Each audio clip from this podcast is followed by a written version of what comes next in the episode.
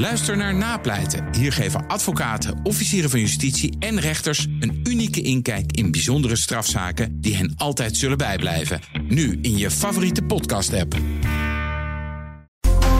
Altijd en overal alle BNR-podcasts. Download de gratis BNR-app.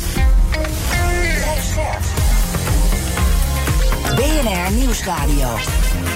BNR breekt. Ivan Verrips. Goedemorgen en welkom. Vanaf half twaalf praat ik over het nieuws van de dag. Over dat er van alles mis is met de publieke gezondheidszorg in ons land, zegt de Raad voor Volksgezondheid en Samenleving. Dan is de grote vraag: is meer geld hier weer de oplossing? En het aantal miljoen woningen in ons land blijft maar stijgen. Vorig jaar zijn er voor het negende jaar op rij meer woningen bijgekomen die minstens 1 miljoen euro kosten. Wat zegt dat over de woningmarkt en de haalbaarheid van een koopwoning ooit een keer? Ga ik bespreken met mijn panelleden. Vandaag Jasmin Ait Abderrahman, voorzitter van FNV Jonge United. Goedemorgen. Goedemorgen. Goed dat je er bent. En Jiska Post, secretaris van het CDA Duurzaamheidsnetwerk. Goedemorgen. Goedemorgen. Welkom, goed dat je er bent. We gaan beginnen met. BNR breekt. Breekijzer. Ja, oefen je Zweeds maar even, want dat breekijzer heeft te maken met. Now, later or over time. Klarna, smooth shopping. Uh, Klarna. We gaan het hebben over koop nu, betaal later diensten. Honderden bedrijven bieden dat soort diensten nog steeds aan. Meldt NOS. Het gaat om uh, kledingverkopers, slijterijen, meubelzaken, parfumwinkels, elektronicazaken. Je kan het zo gek niet bedenken. Nu je product in huis of je dienst en dan over 30 of 45 dagen pas betalen. Klinkt handig, maar het leidt ook tot zorgen over die diensten. Bijvoorbeeld bij de Autoriteit Financiële Markten. Omdat consumenten daardoor in de schulden raken. En er is dan ook een roep om maatregelen. Maar ja, er komt hier niet gewoon iemands eigen verantwoordelijkheid grotendeels om de hoek kijken. En daarom is ons breekijzer vandaag. Er is helemaal niks mis met kopen op afbetaling. Ik ben heel benieuwd hoe jij erover denkt. Vind je dat iedereen lekker zelf moet betalen?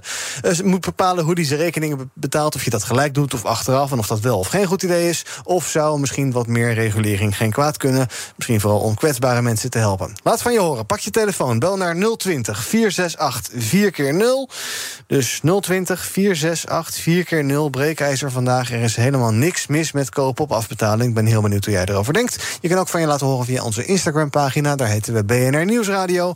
In de stories hoor ik ook graag van je, maar het leukste is even bellen. Nog één keer het nummer dan. 020 468 4 keer 0 Zometeen hoor je hoe Jasmin en Jiska erover denken. Maar ik begin bij Arjen Vliegendhart. Hij is directeur van het NIBUD, het Nationaal Instituut Budgetvoorlichting. Goedemorgen, Arjen. Goedemorgen. Helemaal niks mis met kopen op afbetaling. Wat vind jij? Ja, als je het je kunt veroorloven, is er helemaal uh, niks mis mee. Mm -hmm. Maar het probleem is natuurlijk dat we de afgelopen jaren, terecht denk ik, het uh, lenen uh, op allerlei manieren aan, ba aan, banden hebben gelegd. Dat we goed hebben gekeken, kunnen mensen de lening ook daadwerkelijk terugbetalen? Ja, en buy now, pay later mag dan formeel geen lening heten. Maar het is het in de praktijk wel. Dus het zou goed zijn dat diezelfde spelregels ook daarvan op toepassing, van toepassing worden. Ja, en je zegt um, als je het kan veroorloven, dan is het allemaal geen probleem. Maar dan heb je zo'n dienst waarschijnlijk ook niet nodig, want dan kan je het gewoon gelijk betalen. Zijn het, denk je, voornamelijk mensen die ja, nu het geld even niet hebben en dan over anderhalve maand hopen het wel te hebben? Ja, je ziet twee groepen. Hè? Je ziet eigenlijk in die webshops mensen die denken: ik bestel eerst wat en dan kijk ik of het past. En als het niet past, stuur ik het terug. Dan hoef ik ook, hoef ik ook niet meer mijn geld terug te krijgen. Dat is eigenlijk meer, meer gemak. Ja. Maar je ziet natuurlijk ook wel dat het gaat om groepen die uh, inderdaad het geld niet hebben en straks wel hopen te hebben. En waar ik me extra zorgen over maak, het gaat ook vaak om jonge mensen. Uh, formeel mogen uh, jongeren dan, jonger dan 18 uh, mag je daar geen gebruik van maken, mag het ook niet aangeboden worden. Mm -hmm. Maar in de praktijk wordt daar toch te weinig op gecontroleerd. Dus ja, dan is het een dubbele kwetsbaarheid. Want A, je bent jong en misschien overzie je het nog niet helemaal. Uh, en B, je hebt niet veel geld en je hoopt dat je dat straks wel hebt. Ja, dat bij elkaar uh, leidt wel tot een, een mogelijke giftige mix. Ja. Uh, en die moet je zien te vermijden. Ja, zou je dan pleiten voor meer maatregelen of misschien gewoon een verbod om de ja, nationale financiële gezondheid een beetje op peil te houden? Of beter te krijgen? Nou, ik zou zeggen, je zou, je zou hem moeten behandelen zoals je eigenlijk ook andere leningen ja. uh, behandelt. Want dit is eigenlijk opgekomen nadat we op allerlei manieren die persoonlijke leningen uh, en, en andere vormen uh, aan, aan banden hebben gelegd. Ja. Dat hebben we heel bewust gedaan. Dus eigenlijk wat je ziet is dat er een, een, eigenlijk een alternatief komt voor datgene wat we eigenlijk maatschappelijk onmenselijk vonden. nou, dat is aan de ene kant kun je prijzen dat het heel creatief is. Maar aan de andere kant gelden dezelfde nadelen uh, uh, als in het verleden. En toen hebben we heel bewust gezegd: hier zorgen we ervoor dat we op een goede manier toetsen of mensen het kunnen betalen. Als het uh, meer dan 250 euro is, doen we een BKR-registratie. ja, dat zijn spelregels die hebben we niet voor niets bedacht. Ja. En ik denk ook vanuit het perspectief van, van een level playing field is het van groot belang dat je dat ook in stand houdt. Arjan, blijf bij me. Anders heb je straks het huis... Ge- hè, Ik vind de metafoor, we hebben straks het huis goed geïsoleerd... Ja. maar we laten de achterdeur openstaan... en dan komt toch alle kou nog binnen. Ja, kan je beter de deur dicht doen. Laten we uh, blijf even bij me, dan praten we zo uh, uitgebreid verder. Uh, rondje mijn panel. Ik begin bij Jiska, ons breekijzer. Er is helemaal niks mis met koop op afbetaling. Doe je het zelf wel eens?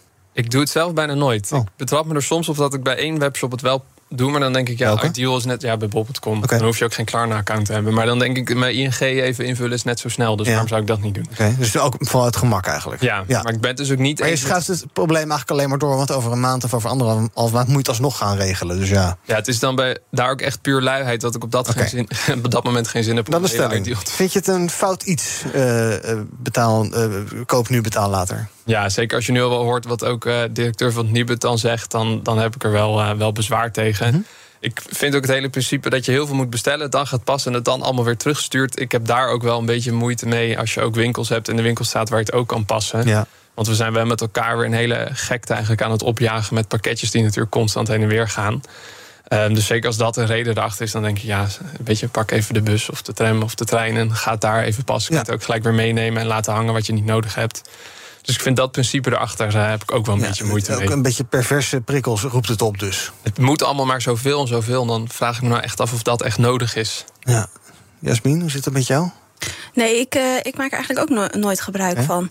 Eh, en ik ben het ook niet eens met de stelling. Ehm, ik denk inderdaad dat het, eh, dat het best wel heel snel normaal is geworden om te gaan kopen op Ja. afbetaling. En dat het inderdaad voornamelijk jongeren zijn die daarin best wel kwetsbaar zijn. En je ziet natuurlijk ook dat eh, bedrijven zelf hebben er, ja, en dat is ook begrijpelijk, maar die hebben er niet zoveel baat bij om hier iets aan te gaan doen. Want je ziet dat 20 tot 40 procent van de totale omzet van bedrijven die bestaat uit betaalachterstanden. Dat is echt ongelooflijk veel. Van een verdienmodel. Ja, dat, dus het is, in zekere zin is het gewoon een verdienmodel. En ze hebben er dus zelf geen baat bij om er iets aan te doen. Dus het is heel eh, logisch dat, we, dat, er, dat, er meer dat er meer regulering gaat komen.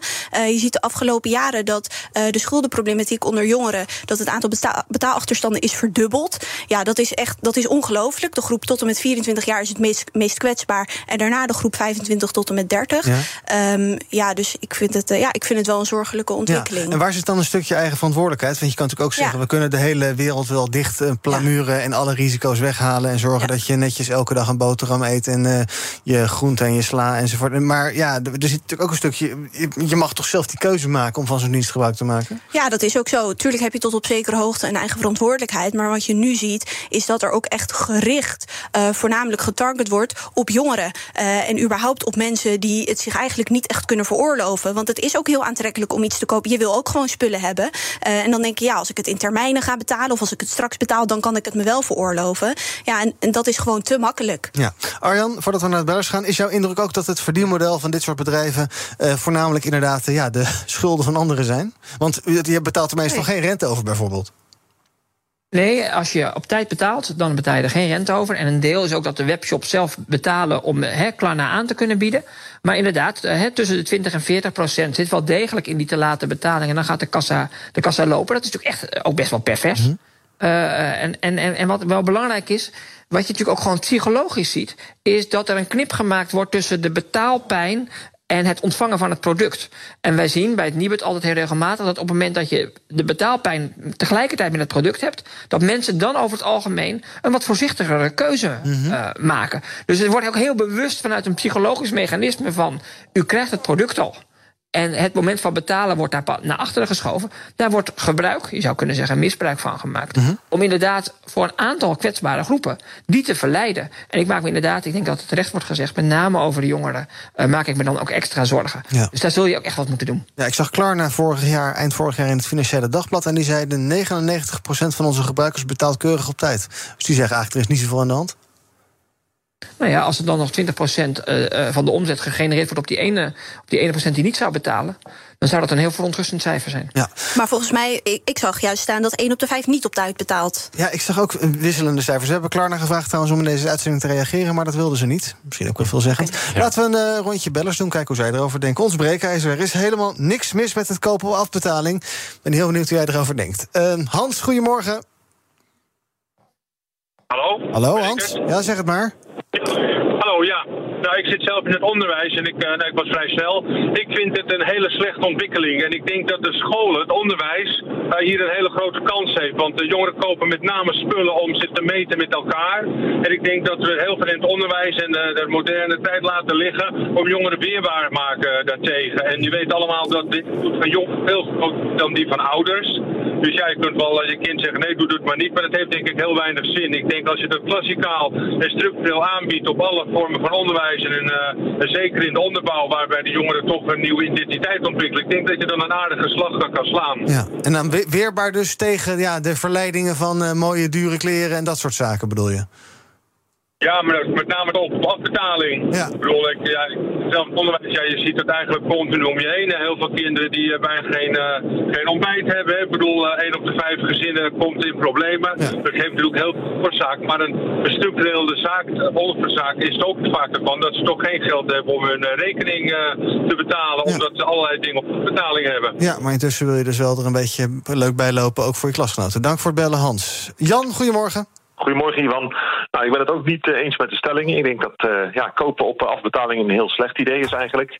Omdat je ook ziet dat steeds meer mensen uh, toch wel moeite krijgen om aan het einde van de maand de eindjes aan elkaar te knopen. Vanwege de inflatie, gestegen prijzen, oorlog, toestanden. En nou ja, uh, gaan ze dan vooral niet uh, in de verleiding brengen om spullen te kopen waar ze op dat moment eigenlijk geen geld van hebben. En dan denken van ja, dat, dat zie ik daarna wel weer hoe ik dat betaal. Want Mm -hmm. ja, daarmee ga je natuurlijk ook steeds grotere financiële problemen veroorzaken bij ja. mensen thuis. Ja, ben je dan ook geen fan van creditcards en dergelijke? Daar moet je ook niet aan beginnen dan eigenlijk. Nou ja, goed. Uh, nee, inderdaad. Eigenlijk niet. de enige reden waarom ik zelf een creditcard heb. Ja. Dus wel is ja, omdat je af en toe wel eens in een situatie zit dat je in het buitenland ja. uh, bent en geen andere mogelijkheid voor betalen hebt. Ja, nou we zullen zo nog even aan Arjan vragen ook, want ik denk ook wel dat creditcards aan uh, strenge regels onderhevig zijn, maar dat zullen we zo even bespreken met Arjan nog. Um, laatste van dit blokje even Rob. Dag Rob. Ja, goedemorgen. Dag Hallo. Ivan. Goedemorgen, zeg het maar. Ja, ik ben ook helemaal uh, niet voor, dit, voor deze stelling. Oh. Ik, ja, ik heb altijd ik zeg altijd gewoon eerst lekker sparen. En dan, uh, als je wat gespaard hebt, dan ga je gewoon lekker iets, iets kopen wat je wil, wat je nodig hebt. En, uh, ouderwets van je, Rob. Ja, ik ben nog een beetje een oude lul, hoor. Dus dat, uh, dat zijn jouw woorden. maar misschien, ja, zo heb ik het, zo heb ik het altijd gedaan. En ja. ik, dan kom je ook nooit in de problemen. Nee. En ook nooit in de verleiding. Want je wil misschien wel eens wat hebben wat je op dat moment niet kan betalen. Ja, daarom uh, gewoon uh, lekker sparen. Weet je wat het is? Bezit van de zaak is het einde van het vermaak. Hè? Dus uh, mensen kopen van alles en dan zit je met de schuld. En dan na de rand denk je van nou, ja, ja. heb je wel echt wel nodig, ja. weet je? Zit je daar in je mooie jas maar zonder geld op de bank. Dank voor het bellen, op. BNR breekt. Ivan Verrips. Nou, er maar weinig eens uh, mensen zijn met onze breekijzer. Vandaag in mijn panel Jasmin uit Abderrahman, voorzitter van FNV Jongen United. En Jiska Post, secretaris bij het CDA Duurzaamheidsnetwerk. Ook bij mis Arjen Vliegendhart, hij is directeur van het Nibud. En we praten over ons breekijzer. Er is helemaal niks mis met koop op afbetaling. Bel alsjeblieft, ook als je het eens bent. 020 468 4x0, als je er zelf wel eens gebruik van maakt. 020 468 4x0. Nu bellen, spreek ik je ergens in de komende vijf minuutjes nog even in de uitzending. Arjen, ik maakte net eventjes de vergelijking met de creditcard. Die kwam zo in mij op. Maar is dat een eerlijke vergelijking of uh, speelt er inderdaad veel, veel meer regelgeving, regulering? Nee, daar wordt al veel meer gereguleerd. Uh, en daarmee geldt hè, ook een maximaal rentepercentage. Dus daar, dat, daar is ook een echt een andere, andere spelregels. Die worden ook geregistreerd. Dus dat, dat, dat is echt een andere manier van, uh, van, van, van doen. Mm -hmm. uh, en wat je natuurlijk ziet, hè, dat ik vond Hans dat wel mooi zei vanuit het, zijn perspectief van het onderwijs. We leren natuurlijk kinderen van jongs af aan. Ja, je moet sparen als je iets wil hebben. En dit idee staat natuurlijk daar dwars, dwars op. Ja, dat kun je nieuw en vernieuwend noemen. Mm -hmm. Uh, uh, maar tegelijkertijd doet het wel af aan wat inderdaad onderwijsinstellingen, maar ook ouders vaak proberen te leren aan, aan, aan, aan jonge mensen. Ja, nou Namelijk dat je je behoefte even uitstelt. Ja. Dat je even wacht uh, en je misschien ook wel bedenkt: wil ik, heb ik het echt nodig?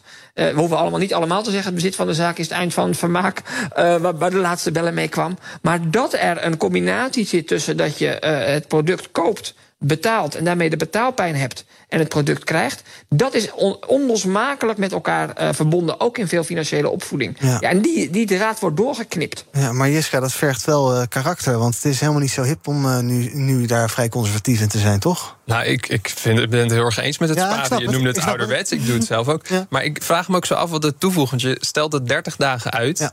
Vier weken, een kleine maand. Dan denk je dan kan je toch ook een maandje... Ja, maar dan kan je, salaris en misschien de staatsloterij gewonnen. maar dan kan je dus ook wachten tot de 26e na je salaris en het dan kopen. Dan duurt het misschien twee weken langer. Maar het voegt dus eigenlijk helemaal niks toe. Misschien één of twee weken eerder het product in huis hebben. En, en het kan wel heel veel problemen geven als je eh, de dagen na je salaris ook al je huur hebt afgeschreven en je zorgverzekering en nog wat andere vaste lasten. En er is weer geen geld over. En dan zit je wel ineens met die schuld bij, eh, bij Klarna. Ja, ik zie Dus ik vraag me gewoon heel erg af wat ja, anders dan een perverse prikkel voor mensen om sneller te kopen en Klarna die er goed aan verdient. Eh, wat, wat, wie bedienen we er nou eigenlijk mee? Ja. Ligt daar wat jou betreft ook een verantwoordelijkheid bij die bedrijven zelf? Want die lijken zich, hè, Klarna, maar je hebt er nog eentje... dat heette vroeger Afterpay, heeft nu een nieuwe naam, geloof ik. Eh, daar, die lijken zich een beetje ja, van de domme taal. Van er is niks aan de hand. Ja. En eh, ja, goh, wij bieden een dienst aan en daar kan je gebruik van maken. Dat gaat allemaal prima. Ja, nou. Ja, ik denk, natuurlijk ligt er echt een verantwoordelijkheid bij die bedrijven. Maar het is denk ik ook een kwestie van de slager die zijn eigen vlees gaat keuren. Eh, dus ik denk dat we er niet hoeven te verwachten dat het daar vandaan gaat komen. Eh, je ziet wel dat echt vriend en vijand het erover eens is dat dit nu anders moet. Eh, zeker omdat de regels eh, voor eh, later betalen gewoon anders zijn dan voor andere leningen. En dat maakt het ook gewoon veel makkelijker Ja. ehm, om, ja, om zo'n lening wat het, of een schuld, wat het dus eigenlijk officieel niet is, eh, aan te gaan. En dat willen ze, wil de minister nu ook gaan doen. Hè, dus dat die regels gelijk getrokken gaan worden. Ja. Maar ja, dat duurt gewoon even. Dus ja, in die tussentijd, ja, natuurlijk zou ik zeggen, die bedrijven moeten hun verantwoordelijkheid nemen. Maar ik ga er gewoon niet echt van uit dat dat gaat gebeuren. Nee. En Arjan, ik zie trouwens heel veel mensen bellen. Ik hoop ook dat dat de mensen die eh, eens zijn. Die gaan we zo nog even aan het woord laten. Dat is fijn, die hebben op een emotionele oproep gereageerd. Eh, eh, Arjan, eh, eh, d- wat zegt het jou dat we zien dat er enorme inflatie is... koopkracht enorm gedaald het afgelopen jaar... en dat het gebruik van dit soort diensten, in ieder geval het aanbod ervan... niet gedaald is. Sterker nog, het aantal, als het gaat om schuldeisers... dan zie je daar Klarna en Afterpay steeds vaker in de grafiekjes omhoog komen.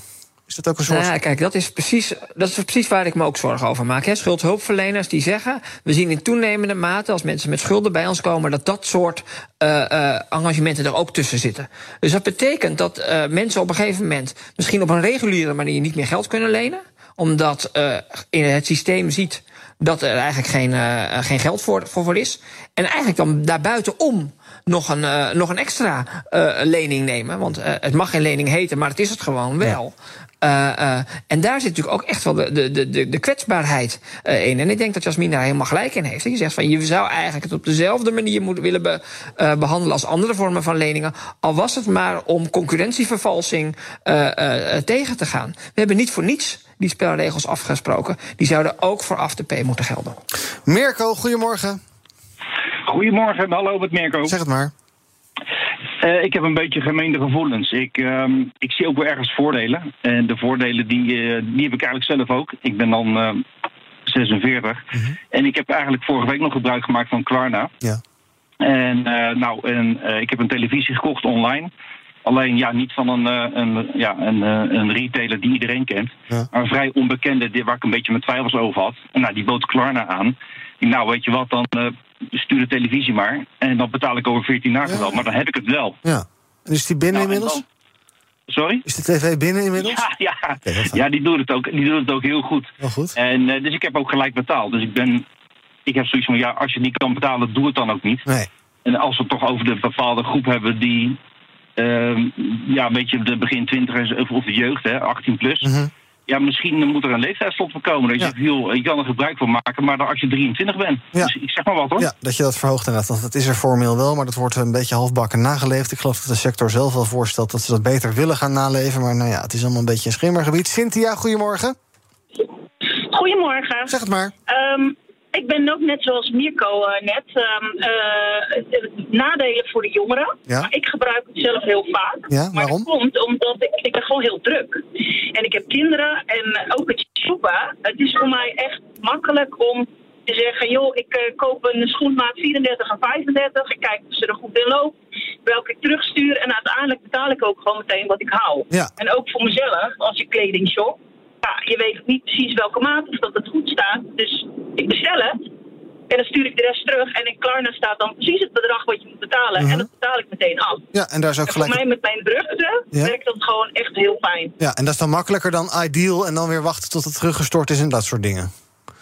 Exact. Maar ook omdat je twee broeken koopt. En dan moet je ineens twee keer 60 euro betalen in plaats van één keer 60. Ja, dat scheelt ook. en dat maakt natuurlijk wel dat het bedrag dat je aftikt veel groter is dan wat je uiteindelijk houdt. Laat ik het zo zeggen. Ja, duidelijk. Dank voor het bellen. Doe nog eh, één of twee bellers, Max. Even kijken. Eh, Jasper, goedemorgen Jasper. Ja, goeiedag Iwan. Eh dankjewel uh, voor het contact. Ehm, ik ben deels voor de stelling. Ehm, er zijn natuurlijk situaties te bedenken in bijvoorbeeld eh, dat een bed kapot gaat. En een goed bed eh, kan vrij, vrij prijzig zijn.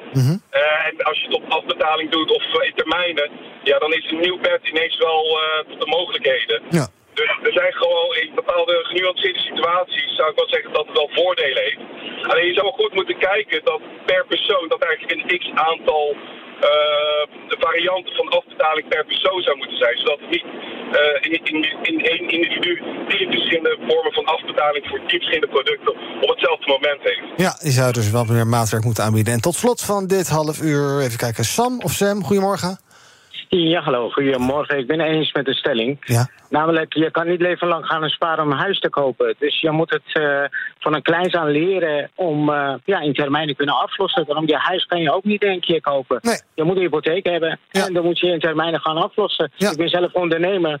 En eh, als ondernemer, ik betaal ook alles in termijnen. Je kan tegenwoordig niks eh, in één keer afbetalen, zeg maar. Het hoort er gewoon Dus, bij. eh, Het hoort bij, eh, bij financiële opvoeding. Dankjewel voor het bellen, Sam. Ik heb een keer de laatste festivaltickets gekocht... en die kon ik dan kosteloos in drie keer betalen. Dat is niet per se nodig, maar ik heb het wel gedaan. Vind Maar dat klinkt al goedkoop, toch? Kosteloos in drie keer. Maar het is Ja. natuurlijk niet kosteloos. Voor mij wel. Ja. Nou ja, uiteindelijk de festivalorganisator betaalt natuurlijk Klarna waarschijnlijk. En dat Dus betaal dat ik dan zit in weer. je ticketprijs. Daar betalen wij aan mee, omdat wij nooit van Klarna gebruik maken. Ja. Ik denk niet dat jullie naar dezelfde festivals gaan. Arjan, tot slot. Nou, ik heb ook al even de Instagram-pagina bekeken. En de tussenstand daar, daar ga ik ook weinig medestanders vinden voor onze stelling. Daar is 75% het oneens met eh, de stelling. Er is helemaal niks mis met koop op afbetaling. Heel kort nog, wat zijn nou de belangrijkste dingen die eh, eh, aangepast moeten worden wat jou betreft? Nou, echt heel streng handhaven op eh, die 18 jaar. Dat is denk ik allereerste. Twee is op dezelfde manier checken als bij, andere eh, eh, leningen. En misschien ook toch wel in de, in, in de financiële opvoeding helder maken dat op het moment dat je iets koopt en je later moet betalen, dat die rekening echt ook komt en ook niet weggaat. Het idee dat je daarmee eigenlijk de rekening nog kunt ontlopen, dat is, dat, dat is niet waar. En helaas, het is, het is spijtig om te moeten constateren, is er toch een beetje het gevoel wat erachter speelt. Arjan Vliegenthart, directeur van het Nibud. Dankjewel. En ik zei het dus al, Instagram 75% oneens. Daar kan je nog de hele dag van je laten horen. Zometeen dan blijven we even bij het geld. Ja, over superdure huizen. Het aantal woningen in Nederland dat minstens een miljoen kost... is opnieuw gestegen. En de winnaar van de Sony World Photography Awards... die won met een wel heel bijzondere foto. Hij ligt hier voor me, het is best een mooie foto. Alleen, eh, er klopt iets niet helemaal aan. Gaan we zo bespreken in het tweede deel van BNR Break. Tot zo. Ook Hugo Reitsma vind je in de BNR-app. Superhandig die BNR-app. Je kunt alle programma's live luisteren, breaking nieuwsmeldingen. Je blijft op de hoogte van het laatste zakelijke nieuws. En je vindt er alle BNR-podcasts, waaronder natuurlijk de belangrijkste, Boekenstein en de Wijk. Download nu de gratis BNR-app en blijf scherp.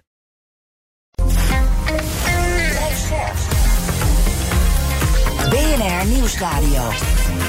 BNR breekt. Ivan Verrips. Welkom terug in mijn panel vandaag. Jiska Post, secretaris van het CDA Duurzaamheidsnetwerk... en Jasmin Ait Abderrahman, voorzitter van FNV Jong en United. En we gaan praten over het eh, nieuws van de dag. Ja, zorgelijk bericht als het gaat om de Nederlandse gezondheidszorg. Dat is in de basis te zwak, wankel en erg kwetsbaar.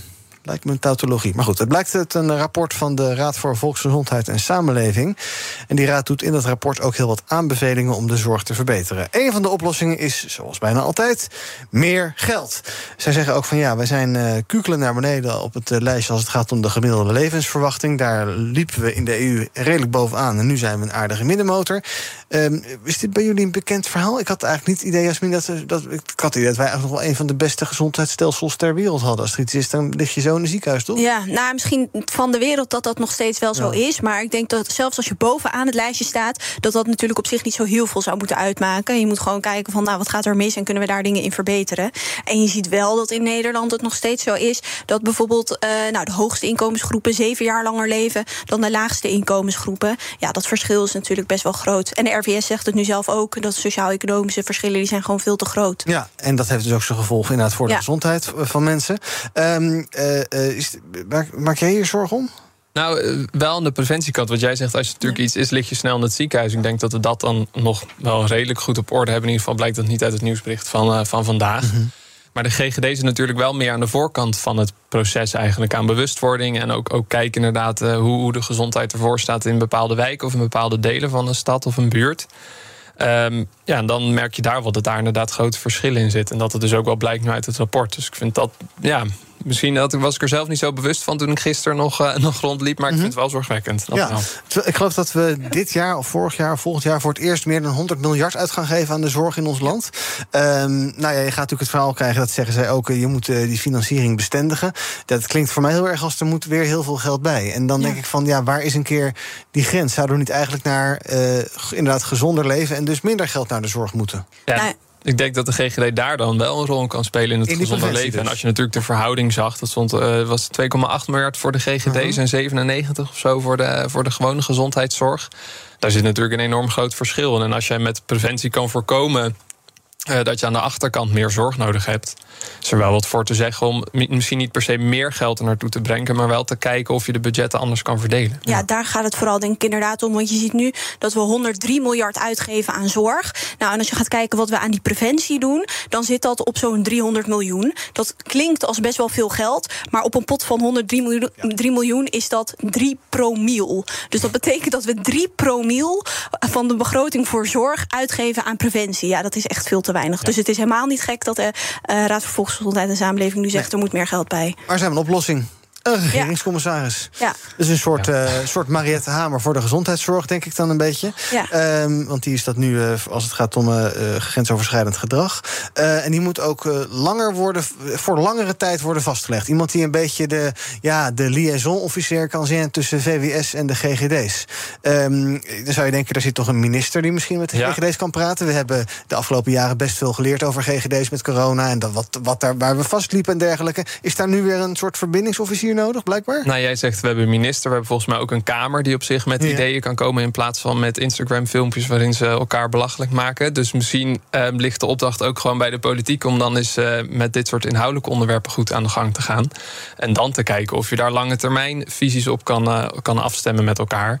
Waar je ook kan kijken hoe je dit beter kan inrichten. Maar weer een regeringscommissaris. We hebben straks een enorme schaduwregering voor alle onderwerpen die leven. Hebben een aparte regeringscommissaris buiten het politieke stelsel. Ja. Ik denk niet dat dat eh, een beetje de goede weg is waar we Nee, naartoe het moeten. is natuurlijk een beetje de ziekte die Rutte 4 heet. Dat we inderdaad overal eh, rapporten... Als het te moeilijk wordt, Dan dan, bestellen we een eh, rapport ja. of dan schuiven we door... of dan stellen we dus Of we bestellen Remkes erbij. Of, eh, nou, dat is misschien een mooie taak voor hem. Alhoewel ik niet weet of hij dit voor langere tijd aan wil gaan. Goed idee, regeringscommissaris. Ja, ik denk kan misschien, eigenlijk- niet heel veel kwa- kan misschien niet heel veel kwaad, maar voegt het heel veel toe, ja. God. Nou, ik denk eigenlijk dat het. Ik vind het niet zo'n heel gek idee. Ik denk inderdaad wel het feit dat er ineens overal regeringscommissarissen oppoppen. dat dat een soort symptoom is van dat blijkbaar het kabinet zelf of de politiek zelf. niet eh, voor lange, ter- lange termijn eh, eh, beleid kan maken. Maar ik denk wel dat het goed is als iemand het, het grote plaatje in beeld brengt. Omdat je gewoon ziet dat de structurele plannen. dat het daar een beetje op stuk loopt. Dus als daar een regeringscommissaris op zit. dan kan je daar misschien wel wat aan doen. Ja, als die zorg steeds duurder wordt, waar gaan we dan minder geld aan uitgeven?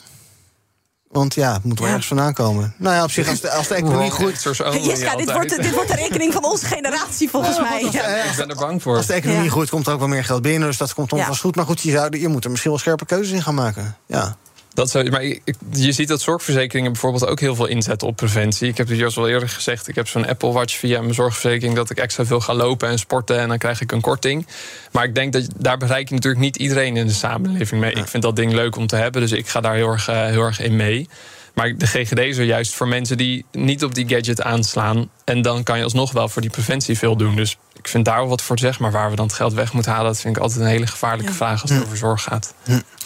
Oké, ehm, nou ja, we hebben natuurlijk, wat ik zei, die coronapandemie gehad. Daar hebben we best veel van kunnen leren. Want die GGD's, dat waren natuurlijk, nou, ik zal niet zeggen ingedutte organisaties. Want die deden, doen allemaal hartstikke belangrijk werk. Maar toch was dat altijd een beetje in de marge. En nu is er toch veel meer uh, ja, urgentie voor. En dat toont dit rapport ook maar weer eens aan. Dus ook misschien goed om eens. Want dat rapport zegt ook, ja, die GGD's die verschillen ook heel erg per regio.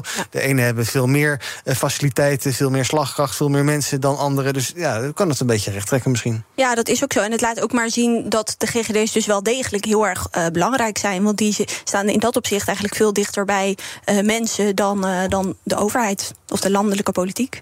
Dan ben je op zoek naar een woning van, nou, een beetje een flinke woning met een paar slaapkamers. Dan kom je al snel boven een miljoen uit wellicht. Er is ook flink aanbod, want vorig jaar is er voor het negende jaar op rij... was er meer aanbod van miljoenen woningen, zoals dat heet. Dus 200.000 woningen van meer dan een miljoen, blijkt uit cijfers van Calcasa. Uh, en dat zijn uh, ja, woningen die voor heel veel mensen natuurlijk onbereikbaar zijn, want die kunnen daar zeker geen miljoen aan betalen. Laat staan dat ze daar een hypotheek voor krijgen. Um, uh, en ja, dat is wel. Is dat, is dat een probleem, zoveel dure woningen? Of niet? Dus er is vast een doelgroep voor, ja. Ja, er is vast een doelgroep voor. Het is natuurlijk wel. Ja, de huizenprijzen die stijgen in alle segmenten. Dus zowel aan de bovenkant als aan de onderkant. Dus het is niet per se heel gek dat er ineens meer miljoenen woningen bijkomen. Maar het is wel heel zorgelijk, omdat het gewoon laat zien wat er eigenlijk aan de hand is met woningen in Nederland. En dat het dus voor starters steeds moeilijker wordt om aan een huis te komen. Nou, dat wisten we al. Maar dit betekent ook dat de starters of de jonge gezinnen die nu binnenkomen op de woningmarkt en een huis willen kopen, dat die vaak in dat segment blijven vastzitten. En dat die groep dus steeds groter wordt. Mm -hmm. uh, dus in dat opzicht ja, is het wel, wel zorgelijk. Ja, de cijfers vertekenen misschien ook wel een beetje. Want dit gaat natuurlijk vooral om uh, uh, Amsterdam. Dat heeft de meeste miljoenen woningen in ons land. Daar kom je in Den Haag, dan kom je in Rotterdam en dan kom je in Utrecht. Dan kom je in Bloemendaal. Nou ja, dat soort Ja, dat is niet waar. Je gaat niet in de PC Hoofdstraat je starterswoning zoeken, denk ik. Ja, sommige nee. mensen wel. Misschien rolvinkjes of zo, maar ik niet. Maar mijn vader woont er toch al. Ja, ja. Het verspiegelt natuurlijk wel een trend. Ik denk dat dat, dat wel heel goed gezegd. Uh, want die huizen worden ook niet allemaal voor die doelgroep gebouwd. Het is niet alsof we ineens zoveel honderdduizend uh, huizen van een miljoen of meer erbij hebben gebouwd, omdat daar zoveel vraag naar is. Het zijn ook gewoon huizen die natuurlijk een aantal jaar geleden uh, nog wel bereikbaar waren voor twee werkende mensen met een modaal inkomen. Ja. Maar voor hun is dat nu hè, natuurlijk helemaal ongrijpbaar. En we hadden het net over rekeningen voor onze generatie. Ik denk dat dit natuurlijk weer eentje is. Uh, ik werk zelf al, ik verdien uh, voor mijn leeftijd, ben er heel tevreden mee. Ik ging laatst, uh, omdat mijn zus haar huis te koop aan het zetten is. Gewoon een heel leuk huisje waar ik best wel zou willen wonen keer zo'n hypotheekberekening doen. Nou, ik kom echt bij lange na niet in de buurt. En als ik mijn studieschuld nog invul, dan gaat er het dubbele van mijn studieschuld van mijn hypotheek ah, maar af. Daar kan, kan je voor zwijgen. ja, maar ik vraag me vooral waarom het dubbele aantal uh, euro's van je studieschuld van je hypotheek afgaat. Dus ja, dat, dat is voor mij onbereikbaar. En wat ik zeg, ik, heb echt, uh, ik mag echt niet klagen met mijn werk. Maar... En bij zo'n hypotheek rekenen, rekenen ze ook altijd met het begin van je studieschuld, geloof ik. Hè? Dus ja. ook al ben je bijna klaar met En dat dan een keer bijna twee. Dus ja, ik, nou, heb je wel eens aan een rijke vriend gedacht? ik ben. Ga Dat zei Hugo de Jonge even, ja, voor de ja, duidelijkheid. Ja, ja. Sorry. Nou ja, mijn vriend studeert nog, dus ik denk dat hij dat bij mij dacht. Maar...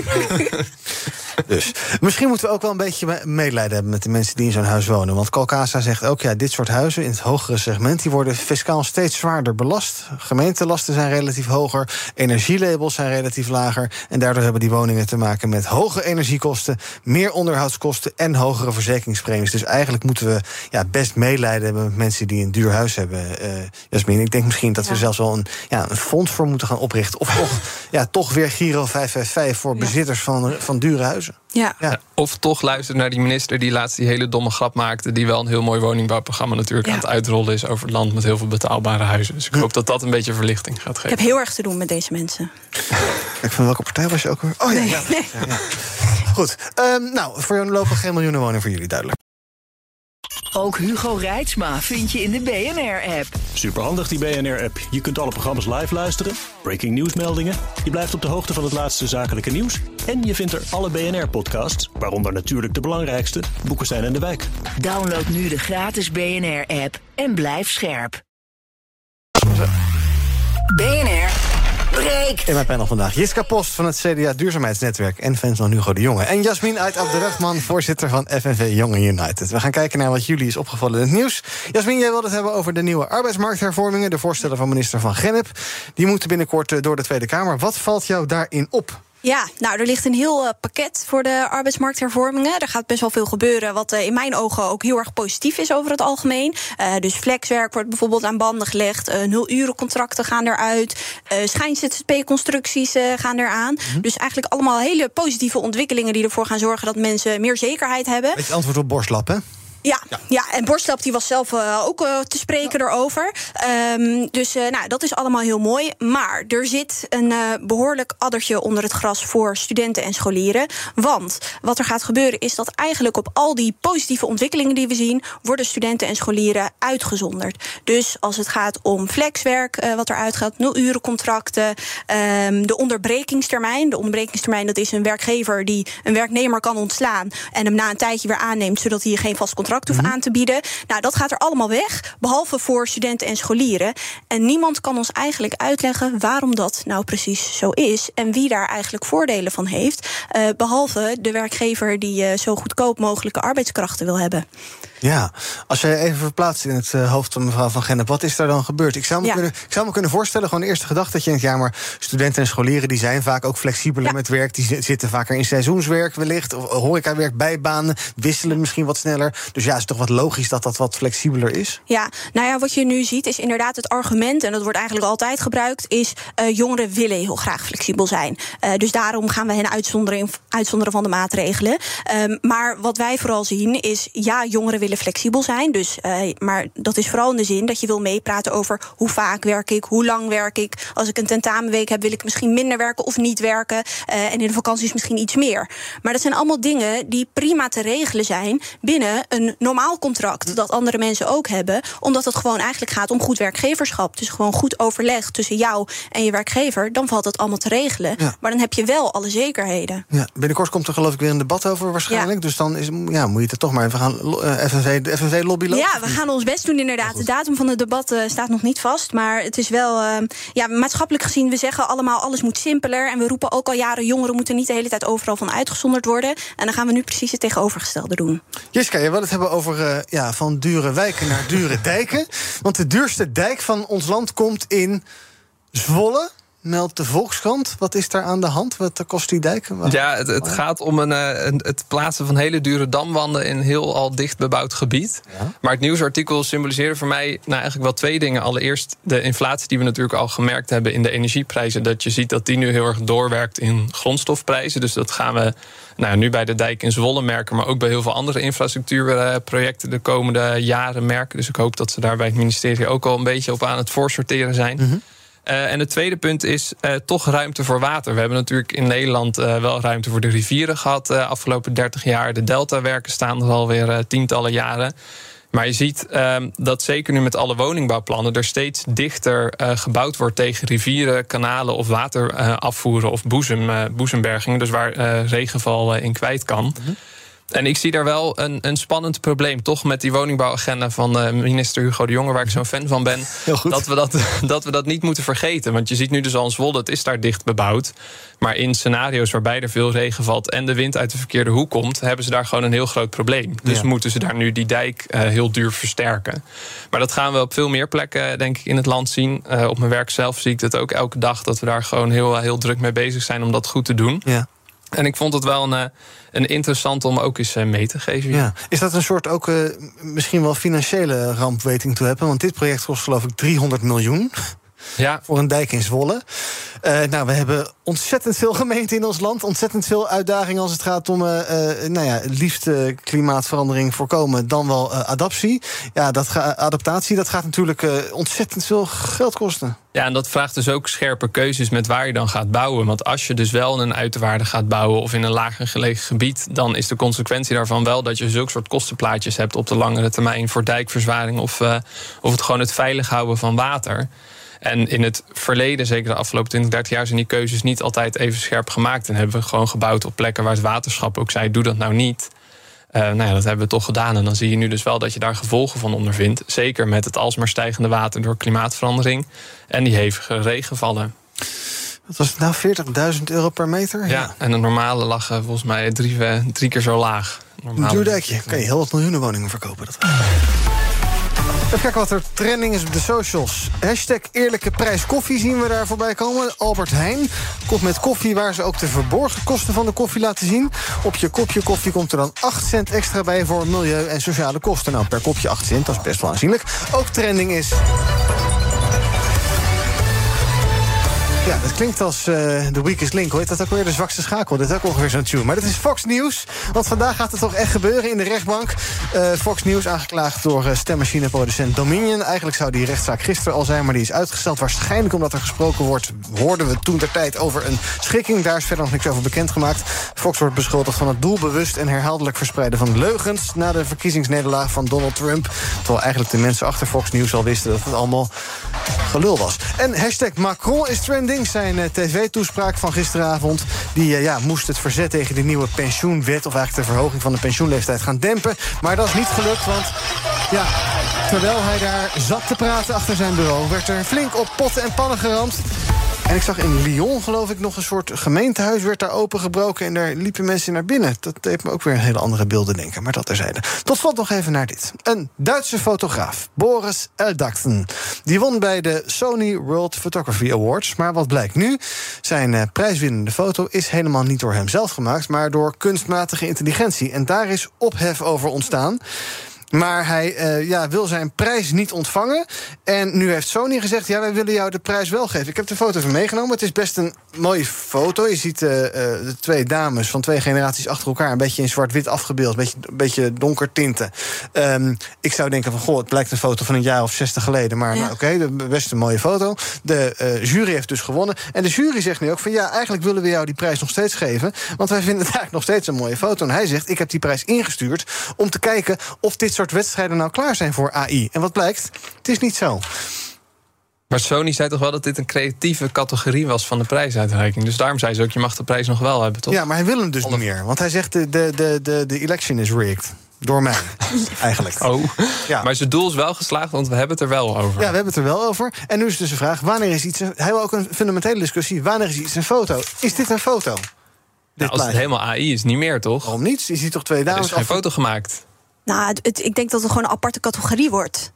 Ja, kunst, te, technisch, uh, AI-foto's. AI-foto, ja, zoiets. Ja. Ja. ja. Ja, ja, Ik heb ook eventjes, want je hebt allerlei tooltjes online... Hè, waarmee je dus foto's kan uh, genereren. Dus ik heb even een, drie foto's uit mijn eigen fotorol van mijn iPhone gepakt... en drie foto's gemaakt met Midjourney vandaag. Mag jullie even zeggen welke de echte is? Hier, zie, hier zien we een soort beekje met uh, steentjes. Is dit een echt of een nepfoto? Wat denken jullie? Ik denk dat die nep is. Dit is echt. Dit is echt, inderdaad. Het okay. is in Leg in Oostenrijk. Hier hebben we een, een hele schattige hond. Echt een lieve hond. Heb ik die foto zelf gemaakt? Dit is nep. Nee, die is nep. Ja. Die is inderdaad nep, ja, deze hond. Dan hebben we hier nog, ja, wat is dit? Een soort uh, meertje met een uh, huisje. Ja. Nep. Mm, Oeh, ik vind wel lastig. Oeh, ik zeg echt. Ja, Vietnam, echt. Oh. Allemaal heel ver weg, bedenk ik me nu pas. Uh, dan nog deze foto. Dit is een uh, chocoladedoosje. Die is nep. Of is het gemaakt op de redactie hier? Nee, ik durf denk niks dat meer te zeggen. Nee. Hij is inderdaad nep. Ja. Nou, dan doen we nog twee uh, foto's. Nou, ik doe er nog eentje. Houdt iemand de score bij? Ja. Oh, nee, oh nee, eigenlijk niet, maar maakt uh, Nep. Ja, die is... Nou, nee, die, ik denk dat die echt is. Hij is nep. Oh. Het is toch moeilijk, hè? Ja, het is wel en, nu, en nu weet je dus dat je erop moet letten van... oké, okay, is iets echt op nep, maar als je het niet ziet... Dit is gewoon de toekomst. Joh. Er gaan, Ja. ook, bij, ook bij kranten, niemand gaat meer zelf foto's schieten. Je typt gewoon in wat je moet hebben Ja. en je bent toch klaar. Maak je er zorgen om? Nou, niet per se zorgen, maar ik denk wel dat we echt aan de vooravond staan van een hele grote maatschappelijke verandering. Ik ben echt gewoon heel benieuwd hoe, dit, hoe we hier over 10, 20, 30 jaar op terugkijken. Ik denk niet dat fotografie van de mens dat dat gaat verdwijnen. Mhm. Dat denk ik niet. Nee, we moeten het alleen maar anders gaan doen waarschijnlijk. En creatievere vormen gaan bedenken. Ja, nou, misschien niet eens per. Op een gegeven moment was het ook met schaken zo, toch? Dat ineens een computer ook kon ja. gaan schaken. En dat iedereen toen ook dacht van, oh, we gaan straks niet, niet meer zelf schaken. Nou, dat is dus niet meer zo. Nee. Ik denk, er worden gewoon twee verschillende vormen van kunst, of- denk ik. Ja, Jiska, zie jij toepassingen voor AI Ik in je werk bijvoorbeeld? Wel zorgwekkend op, op een aantal vlakken. Maar het vervangen van die hele cringy stokfoto's door AI... Ja? dat vind ik dan een positieve idee. Ja, maar ontwikkeling. dan moet het er wel bij staan. Ja, ja, dat Ja. vind ik wel. Ja, Ja. Daar moet je wel regelgeving of wat dan ook op verzinnen... dat het wel gewoon duidelijk is wat nu wat is. Ja. ja, in mijn werk. Ik hoop toch niet dat, dat politiek en bestuur wat om mensen gaat, dat ik daar heel veel ga zien vervangen worden door AI. Ik zou Ja. dat wel echt heel vervelend vinden. Die mensen kunnen het ook niet altijd heel goed beleid maken en beleid uitvoeren. Daar zit ook wel weer wat achter. Maar nou, ja, we gaan het zien eh, wat het nou, komende jaar kijken of we een soort eh, best of both worlds eh, combinatie uitkomen. Dank voor jullie aanwezigheid vandaag. Twee echte mensen. Jiska Post van het CDA Duurzaamheidsnetwerk... en Jasmin Uit Abdrachman van FNV Young and United. Morgen ben ik er weer, uw hoogst eigen persoonlijke robot. Tot die tijd kun je ons volgen via de socials... YouTube, Instagram, Twitter, LinkedIn en TikTok. En zometeen is hier Thomas van Zel met Zaken doen. BNR Headlines. De hele dag binnen- en buitenlandse politiek. In Nederland hebben we geen munitiefabrieken. De hele dag economie. Vijf dagen in de week bezorgen, dat kan niet uit. De hele dag technologie. Amerikanen weer op de maan. Heb je eigenlijk geen tijd, maar wil je toch op de hoogte blijven? BNR Headlines. Het laatste nieuws, maar dan in het kort. Ga naar je podcast-app en abonneer je op BNR Headlines.